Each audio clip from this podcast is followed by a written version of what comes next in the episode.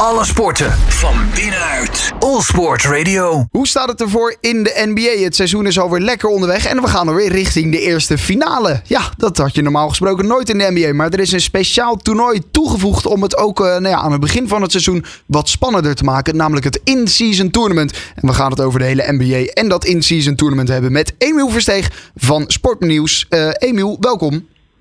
Hey, goedemorgen. Ja, uh, laten we eens beginnen met dat in-season tournament. De NBA wil het allemaal wat spannender maken aan het begin van het seizoen, hè? Ja, en spannender is het zeker wel geworden. Je zag op een gegeven moment dat spelers, omdat nu een soort doelsaldo of de punten zo gezegd ook belangrijk waren, dat is het normaal nooit in de NBA. Normaal is het eigenlijk gewoon je wint. En dan heb je een bepaalde winquota tegenover je tegenstander. Dus dan bepaalt dat wie er bovenaan staat. En in voetbal bijvoorbeeld, hier in Nederland kennen we een gelijk aantal punten is doelsaldo belangrijk. En dat was opeens in het in-season tournament in de groep ook uh, het geval. Waardoor je opeens zag dat wanneer normaal gesproken een team met 10 punten voor stond met nog maar een paar seconden op de klok, ja, prima, speel maar uit die wedstrijd. En nu was het echt dat bankspelers gingen schreeuwen naar de man met de bal van kom op, we moeten nog een paar punten scoren, want we willen wel door. Mm. Dus dat is wel een, een grappig verschil wat je al zag. Je merkte dat er wel spelers wat meer ja, enthousiast waren in dat opzicht. Maar je merkt ook dat er een heel groot contrast is tussen spelers die het wel heel leuk vinden en spelers die eigenlijk denken van ja, het kan mij gestolen worden. Ja, want het, het heeft nog. ja, ook toen het geïntroduceerd werd, toen was er toch nog wel wat, wat twijfel over en wat vragen over. Is dit nou wel iets wat, wat past bij de NBA? Die gasten spelen al ontzettend veel wedstrijden per, per seizoen. Nou goed, dit heeft er niet direct voor gezorgd dat je meer wedstrijden hoeft te spelen. In ieder geval niet het competitiedeel. Eh, deze finale wel. Maar goed, dat is dan één wedstrijdje in een seizoen meer voor de Lakers en de Pacers. Want die staan erin. Daar komen we zo meteen nog wel even op. Maar je merkt dus een verschil bij de spelers. Wie het wel en niet interessant vinden. Ja, bij um, spelers van de Pelicans, die werden laatst geïnterviewd na een wedstrijd. Volgens mij tegen de Kings was het, toen ze naar de uh, halve finale gingen. Ja. En toen werd er gevraagd wat er zou gebeuren als ze de finale zouden bereiken en ze zouden winnen. Wordt er dan een groot feest? Nou ja, die twee spelers, Brandon Ingram en Zion Williamson, keken elkaar echt zo aan van...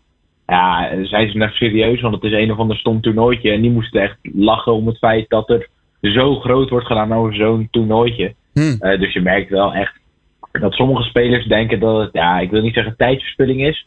Maar dan merk je toch wel dat er een aantal spelers zijn die denken van ja, dit is toch maar een klein trofeetje. En die gaan natuurlijk gewoon allemaal voor die grote trofee aan het einde van het seizoen. Want dat is eigenlijk nog steeds waar het om draait. Het is niet zo dat deze, dit in-season tournament alle aandacht van die grote weghaalt. Ik denk dat dat nog steeds het belangrijkste is. Dat dat ook waarom er veel door spelers naar gewoon de standings in de conference worden gekeken. Ja, is toch ook gewoon omdat de punten die je haalt in, dat, uh, nou ja, in die competitiefase aan het begin, uh, die, die tellen gewoon mee voor, voor het grote geheel, zeg maar. Hè? Ja, dat, is, uh, dat klopt. Het is een beetje raar ingedeeld, maar ja, dat gebeurt wel vaak in de NBA dat dingen raar ingedeeld worden.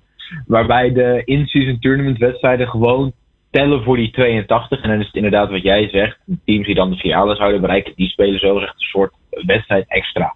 Dus dat zijn alleen de Pacers en de Lakers die dan die wedstrijd spelen. Dus het is een beetje apart en uh, nog een beetje aftasten hoe het precies in zijn werking gaat. Maar uiteindelijk aan het einde van het seizoen zal bijna ieder team gewoon op 82 wedstrijden staan. Behalve dus de um, Pacers en de Lakers. Ja, die komen op uh, 83, want die finale die is uh, zaterdag. Waren zij, als je tot nu toe kijkt, ook naar gewoon nou ja, het seizoen tot, tot nu toe. Uh, de beste uh, van, uh, nou ja, van, van de teams. Want nou goed, in de, de quarterfinals stonden dan ook de, de Bucks. nou ja, we, we, hadden de Boston Celtics. de, de Suns onder andere die erin stonden. Kings, Pelicans, die heb je al genoemd.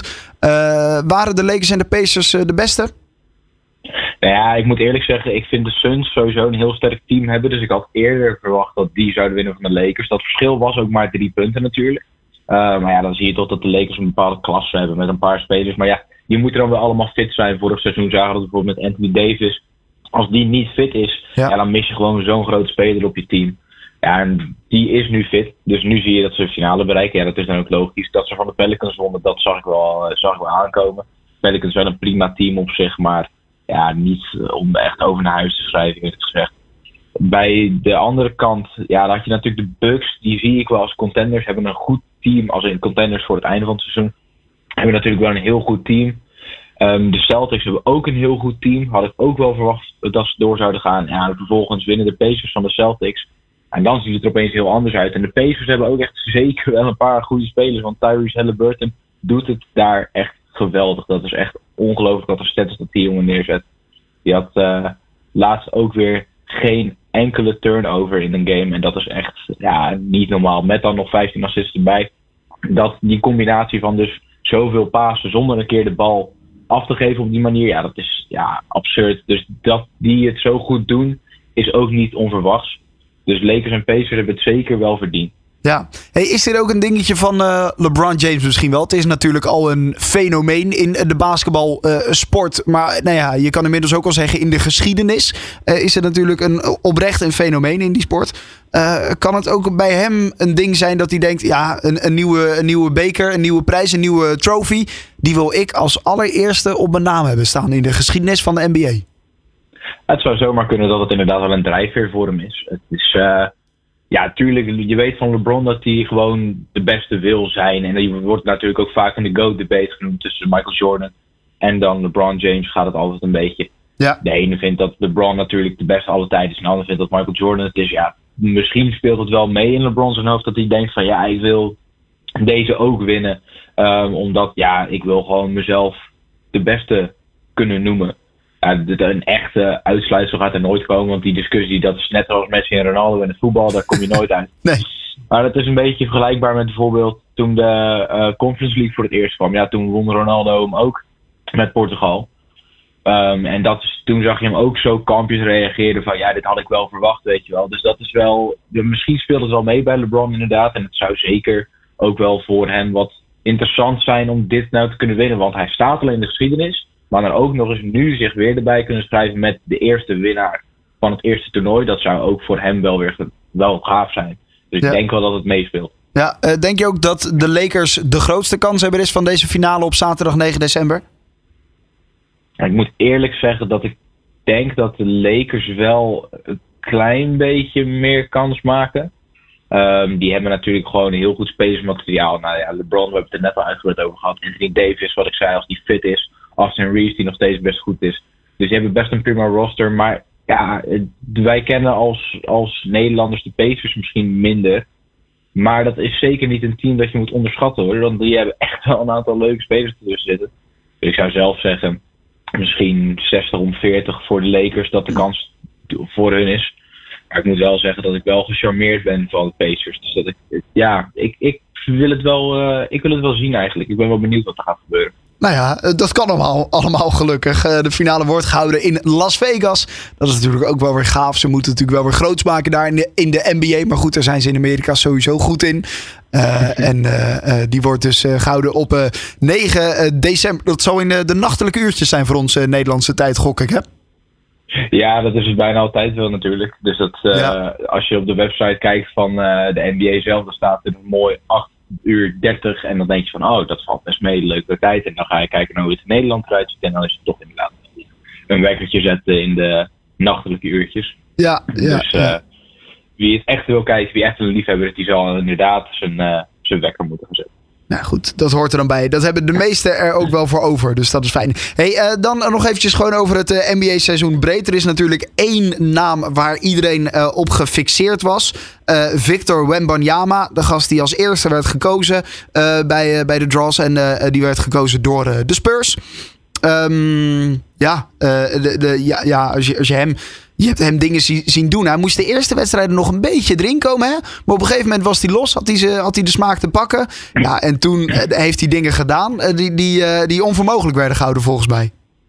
Ja, klopt. Nee, hij, is wel, hij is wel goed bevallen tot nu toe. Hij doet het wel goed. Hij maakt verwachtingen tot nu toe redelijk waar.